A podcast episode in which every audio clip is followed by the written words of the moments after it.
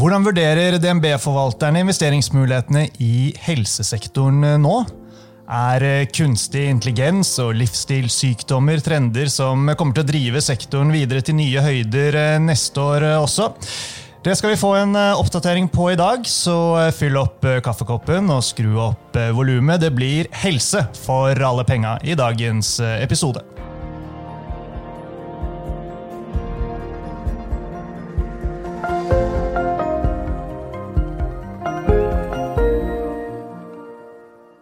Velkommen til eh, Utbytte, DNB-podkasten der vi forklarer hva som skjer i den globale økonomien og finansmarkedene. Jeg er Marius Brun Haugen, og med meg har jeg Benedikte Bakke og Rune Sand, som forvalter helsefondet til DNB. Velkommen, begge to. Tusen takk. Når vi gjør eh, dette opptaket, så er det mandag 27. Eh, november, og vi er faktisk ikke i vårt eh, faste studio, men på et hotellrom i Stavanger.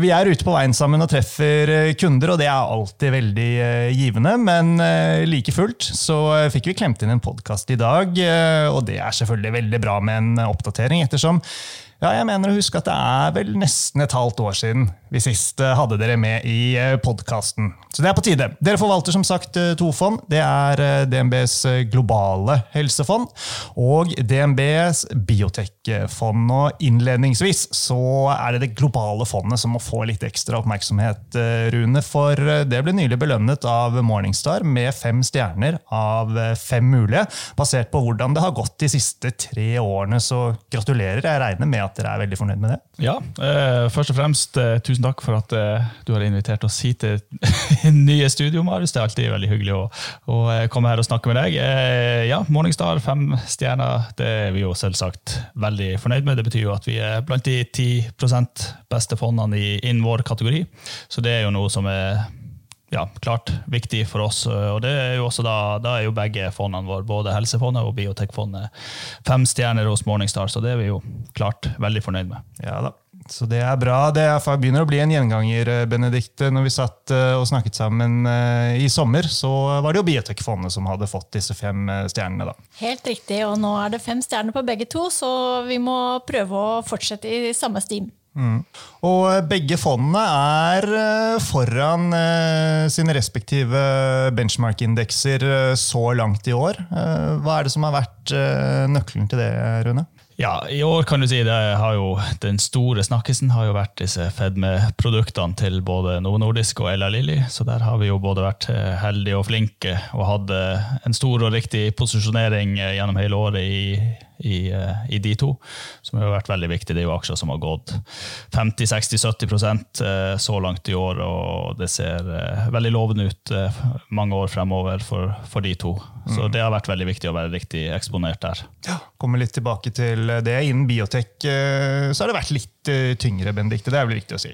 Ja, bioteknologisektoren har vært svak Eh, hittil i år, så, så den er eh, i norske kroner eh, opp et par prosent. Og da har vi jo hatt en positiv effekt av valutaen, fordi det er et globalt fond, og vi har fått valutaeksponering. Men sektoren som helhet har vært svak. Men det er jo selvfølgelig viktig for oss å levere bedre avkastning enn referanseindeksen, som er liksom Eh, hvis du eh, investerer i en helseindeks eller en biotekindeks, så får du eksponering mot den sektoren, men fordi vi er aktivt forvaltet, så er det viktig å få mer avkastning, og det har vi levert solid på. Så det er vi godt fornøyd med. Ja. I disse tider med eh, svak krone og valuta som svinger, så er det sikkert mange som er opptatt av akkurat dette med valutaeksponeringen som du nevnte. Altså, sånn at vi har det. Hva er det som er valutaeksponeringen til de to fondene? Ja, kan si eh, Helsesektoren generelt er jo en global industri, men det er veldig mye i USA. Så mange av de selskapene som vi investerer i og ser på, er typisk eh, lista i, i, på amerikanske børser. Så det er vel en, for begge fondene ca. 70% eksponering mot eh, amerikanske dollar. Og så er resten det en miks av ja, i hovedsak europeiske valuta. Euro, pund, sveitsiske franc. Det er liksom Mm. Det er stort sett der. Mm. Du nevnte jo uh, dette med altså, livsstilssykdommer, fedme, Rune. Altså, kan du bli litt mer konkret? Trekke fram noen eksempler på investeringer som dere har lykkes med? Ja, vi har, eh, vi har, jo vært i studio tidligere her også og snakka om, eh, disse, om det her temaet. Da. Så jeg husker vi, Det er vel godt over et år siden sist. Eller, ja, vi snakka om det da også, og da nevnte vi at vi var kun investert i Eli Lilly. Så det er liksom ofte noe vi fikk eh, Vi snakka om da liksom hvorfor vi ikke var eksponert mot Novo Nordisk, og da var svaret at vi, vi hadde istedenfor valgt å investere i den amerikanske konkurrenten til Novo Nordisk, som er Eli Lilly, da, som vi har hatt en stor posisjon i egentlig hele veien. og Tanken der har vært at uh, det er et selskap som er eksponert mot de samme markedene som Novo Nordisk, både diabetes og fedme, men de har også andre ting i tillegg, så de har flere ben å stå på. Bl.a. en Alzheimers medisin som ser veldig eh, spennende ut, og mye annen forskning som, eh, så de har vært dyktige på opp gjennom mange mange år og vist at de, de har en forskningsorganisasjon hvor det kommer veldig mye nytt ut hvert år. Mm. Men så på litt tidligere på året, da, rett før sommeren, så tok vi også en posisjon i Novo Nordisk.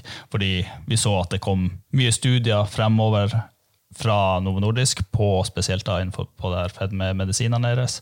Eh, så vi har tatt en, en, ganske stor posisjon der også. Og så har det jo kommet etter hvert da resultater fra disse studiene til Novo Nordisk gjennom året, som har gjort at aksjen har gått veldig bra.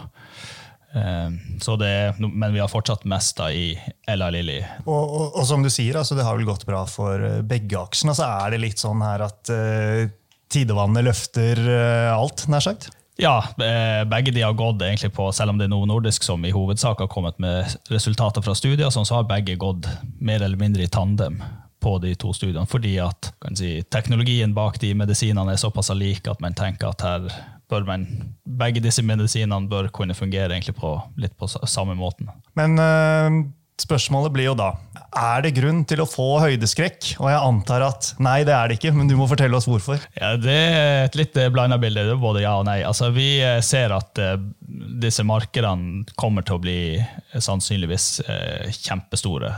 I, I, år så Noe Nordisk kommer kanskje å selge en for en ja, 5-6 milliarder dollar på det her eh, Fed med medisinene sine, men det her er et marked som innen 2030 kan bli over 100 milliarder dollar i salg. Så, så her det, og her har ikke analytikerne tatt inn alt enda. Det er kanskje bare 50, 50% av det som ligger inne i estimatene per i dag. Så hvis ting liksom fortsetter å komme med positive data, så er det fortsatt mye oppside på på estimatene i mange år fremover.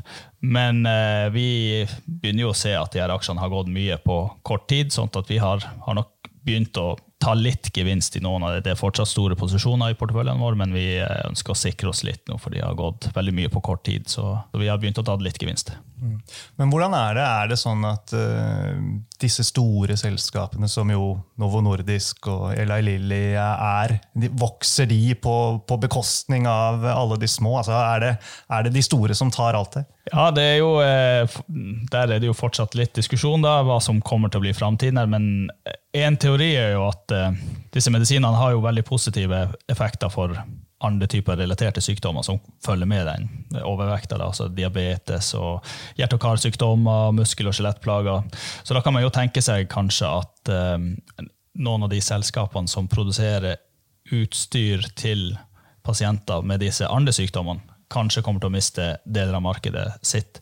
Så der har vi sett at det er, det, det er en del av segmentet da, som kalles for Medtech, altså medisinsk-teknisk utstyrsprodusenter. Der har vi sett at mange av selskapene har falt ja, 20-30 og noen opptil 90% eh, fordi at man tenker at her er det en store del av markedet som kan forsvinne med disse nye medisinene. Så Det er jo noe som har vært veldig viktig da, i år, å være riktig posisjonert for eh, både være posisjonert hos vinnerne, men også at man ikke har hatt store posisjoner hos noen av taperne. Men der tenker vi jo kanskje også at vi får se hvordan 2024 blir, men vi tenker vel kanskje at noen av disse, disse Medtech-aksjene kanskje har falt litt mye nå. Så kanskje det begynner å bli på, på tide å plukke opp noen av de. Mm.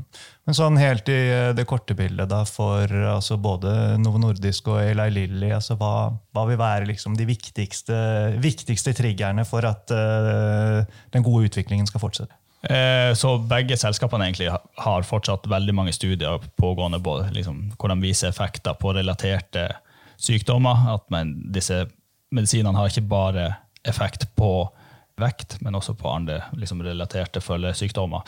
Og så kommer det etter hvert andre generasjons versjoner av disse. altså Noe Nordisk har noe som heter Kagrisema, som kommer etter hvert, som potensielt har bedre effekt enn den medisinen som er på markedet i dag, og sammen med Eli Lilly. De har også studier pågående på andre generasjon av, av, sine produkter. Så her kommer det nye produkter på løpende vann, og så er det også etter hvert så kommer det eh, pilleversjoner av det. For det, disse medisinene nå er jo sånne injeksjoner, ukentlige injeksjoner, så etter hvert så kommer det sannsynligvis pilleversjoner også av det, disse medisinene. Mm. Hvis vi hopper til uh, biotek, Benedikte som så mange andre sektorer så er jo deler av helsesektoren eh, rammet av eh, høyere renter. I hvert fall deler av bioteksektoren eh, er det. Så er det nok for biotek, biotek, i hvert fall den delen som har blitt rammet av høyere renter, er det nok for de hvis rentene nå stabiliserer seg på et høyt nivå, eller må rentene komme ned for at man skal få et sånt bedre bakteppe? Altså Bioteknologisektoren generelt har vært veldig svak egentlig siden 2021 og 2022 eh, og hittil i år. Så eh, vi mener at veldig mye ut eh, i den eh, sektoren. Og vi ser at den har vært spesielt svak de siste månedene på bakgrunn av at renten har gått mye. og da, er på, Grunnen til det er jo at når man ser renten gå mye opp, og man har vekst som er fram i tid, så vil da denne diskonteringsrenten bli høyere, og du får en lavere eh, prising på selskapene, og kursene går ned på mye av det som har vekst fram i tid. Så vi tenker jo at når renten stabiliserer seg, så er det eh, på et forutsigbart nivå, og sånn sett eh, at sektoren skal løfte seg en god del. De fundamentale forholdene i den delen av sektoren er veldig gode. Det er masse god innovasjon, det er mange gode kliniske milepæler som har nådd, og, hvor egentlig kursen har flyttet seg lite fordi at sentimentet har vært vært eh, veldig svakt. Så eh, vi er veldig positive til sektoren fremover når vi får en stabilisering og ting groer seg. Mm. Det er jo ikke uvanlig at eh, det er mye oppkjøpsaktivitet i denne delen av sektoren. Det skjer jo titt og ofte at aksjer som dere eier, så kommer det bud, og så blir de kjøpt opp. Har det vært mye den type aktivitet nå i høst? Det har ikke vært noe eller nå må jeg tenke meg om. Det har, har vel vært én, et selskap eh, i høst, et kreftselskap som vi har hatt i biotech-porteføljen, som, som uh, blir kjøpt. Men vi vet at dette er en oppkjøpsorientert del av helsesektoren. Og veldig mange av de store farmasøytiske selskapene som har solide balanser, de trenger å fylle på sin egen produktportefølje for å opprettholde vekst. Og da går de og ser utad. så mye av naturen til da denne sektoren, er jo at, eh, at eh, det inngår partnerskap eller det blir oppkjøp. Hvilke selskaper eller hvilke deler av eh, biotek er det som er mest interessant nå, og hvorfor? Altså, I år så har det vært eh, mye fokus på bl.a. Eh, immunologi. Tidligere så var det jo veldig mye fokus på, eh, på, kreft, men det vi ser nå, er at veldig mange av kreftbehandlingene har blitt veldig gode, sånn at eh, det skal liksom mye til for å få de store gjennombruddene innen eh, kreft. Men nå er det veldig mye fokus på eh, immunologiske sykdommer eh, i tillegg til eh, fedme. Så noen av de aksjene som har gått veldig godt for oss hittil i år, har vært eh, selskaper som er innenfor dette segmentet. Så der gir det mening å posisjonere seg videre inn i 2024? Ja, det er veldig mye spennende som er der, i tillegg til nevrologiske Eh, selskaper som eh, fokuserer på nevrologiske sykdommer.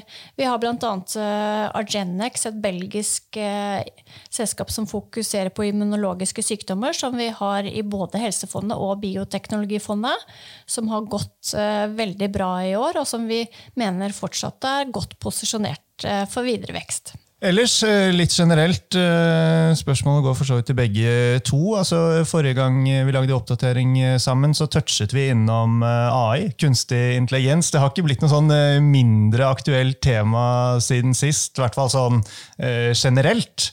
Men innen helse altså, Hva har skjedd siden sist? Er det, er det noen selskaper som har eh, kommet med nyheter eh, hvor de sier at eh, vi skal ta i bruk eh, dette her i, i større grad, eller at de har eh, annonsert eh, investeringsplaner etc. Som, som går på dette som eh, kunstig intelligens fører med seg? Jeg kan vel si i hvert fall alle de store legemiddel... Nå er jo Q3-rapporteringa stort sett over, og noe man legger merke til, er at alle de store legemiddelselskapene i hvert fall snakker veldig mye om hva de selv gjør på AI. At man har ansatt eh, x antall hundre mennesker som jobber med eh, å implementere AI i bedriften, eh, og hvor mye penger man, man, bruker på det. Men det er vel ikke noe sånn håndfast som er kommet ut av det enda. Det her er jo litt mer sånne lange løp, og det tar nok litt tid enda før man kan se liksom, den virkelige inflection point. At det, nå, nå, er det virkelig eh, man ser de store endringene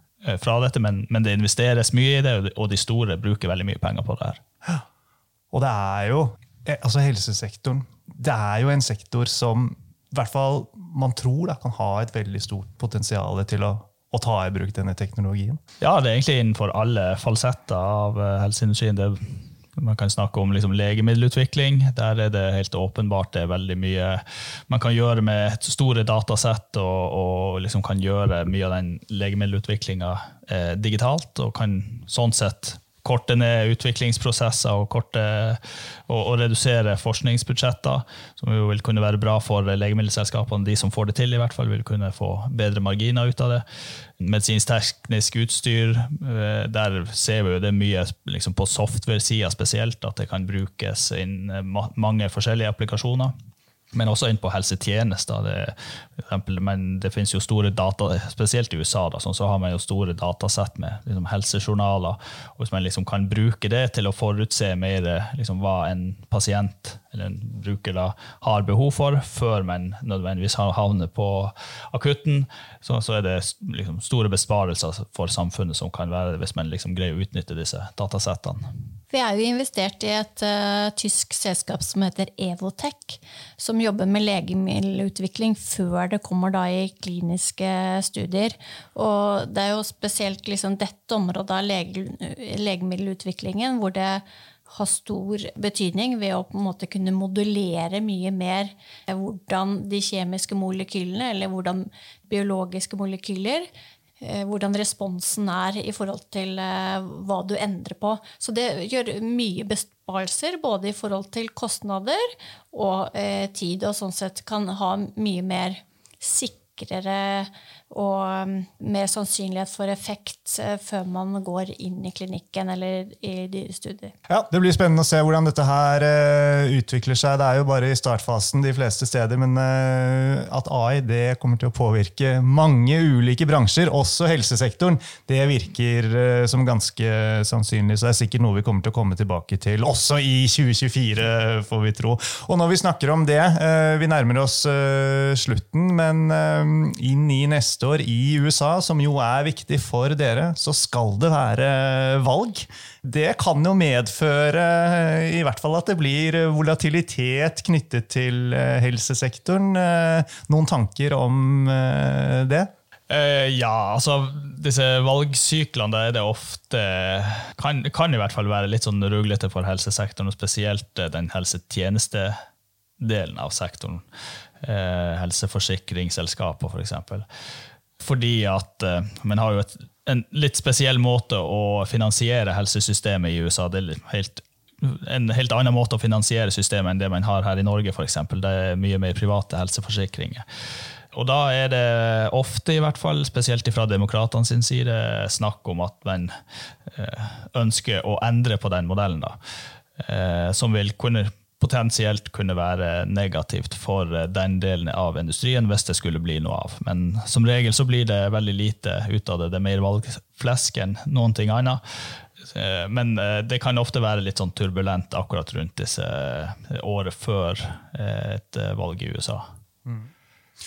Ok, så det langsiktige bakteppet det er i eh, helseinvestorenes uh, favør. Det kan vi vel slå fast. Vi blir uh, flere, vi blir eldre, vi endrer livsstil, vi blir uh, sykere osv. vi har ikke nok kapasitet eller ressurser i form av f.eks. For helsepersonell, og det er ganske dyrt å finansiere. Så det må investeres her, det er vilje til å, å gjøre det. Uh, og teknologien gjør også at det kommer masse innovasjon og skjer uh, nye ting. Så for å konkludere her, da, er utsiktene for uh, helsesektoren bra, også for 2024? Ja, vi ser jo det at sektoren har veldig gode fundamentale forhold. Og eh, både helse og bioteknologi har jo generelt vært svak i år. Eh, så vi mener at eh, det er gode utsikter for 2024, og vi ser også prisingen på sektoren er gunstig så vi er positive til 2024, og så eh, tenker vi at eh, det skal eh, mer oppkjøp eh, til i sektoren, og, og, flere nye banebrytende teknologier som kommer, som vi ikke vet om i dag. Så bra. Da gjenstår det bare å si tusen takk til dere begge. Og sist, men ikke minst, tusen takk, folkens, til alle dere som hørte på.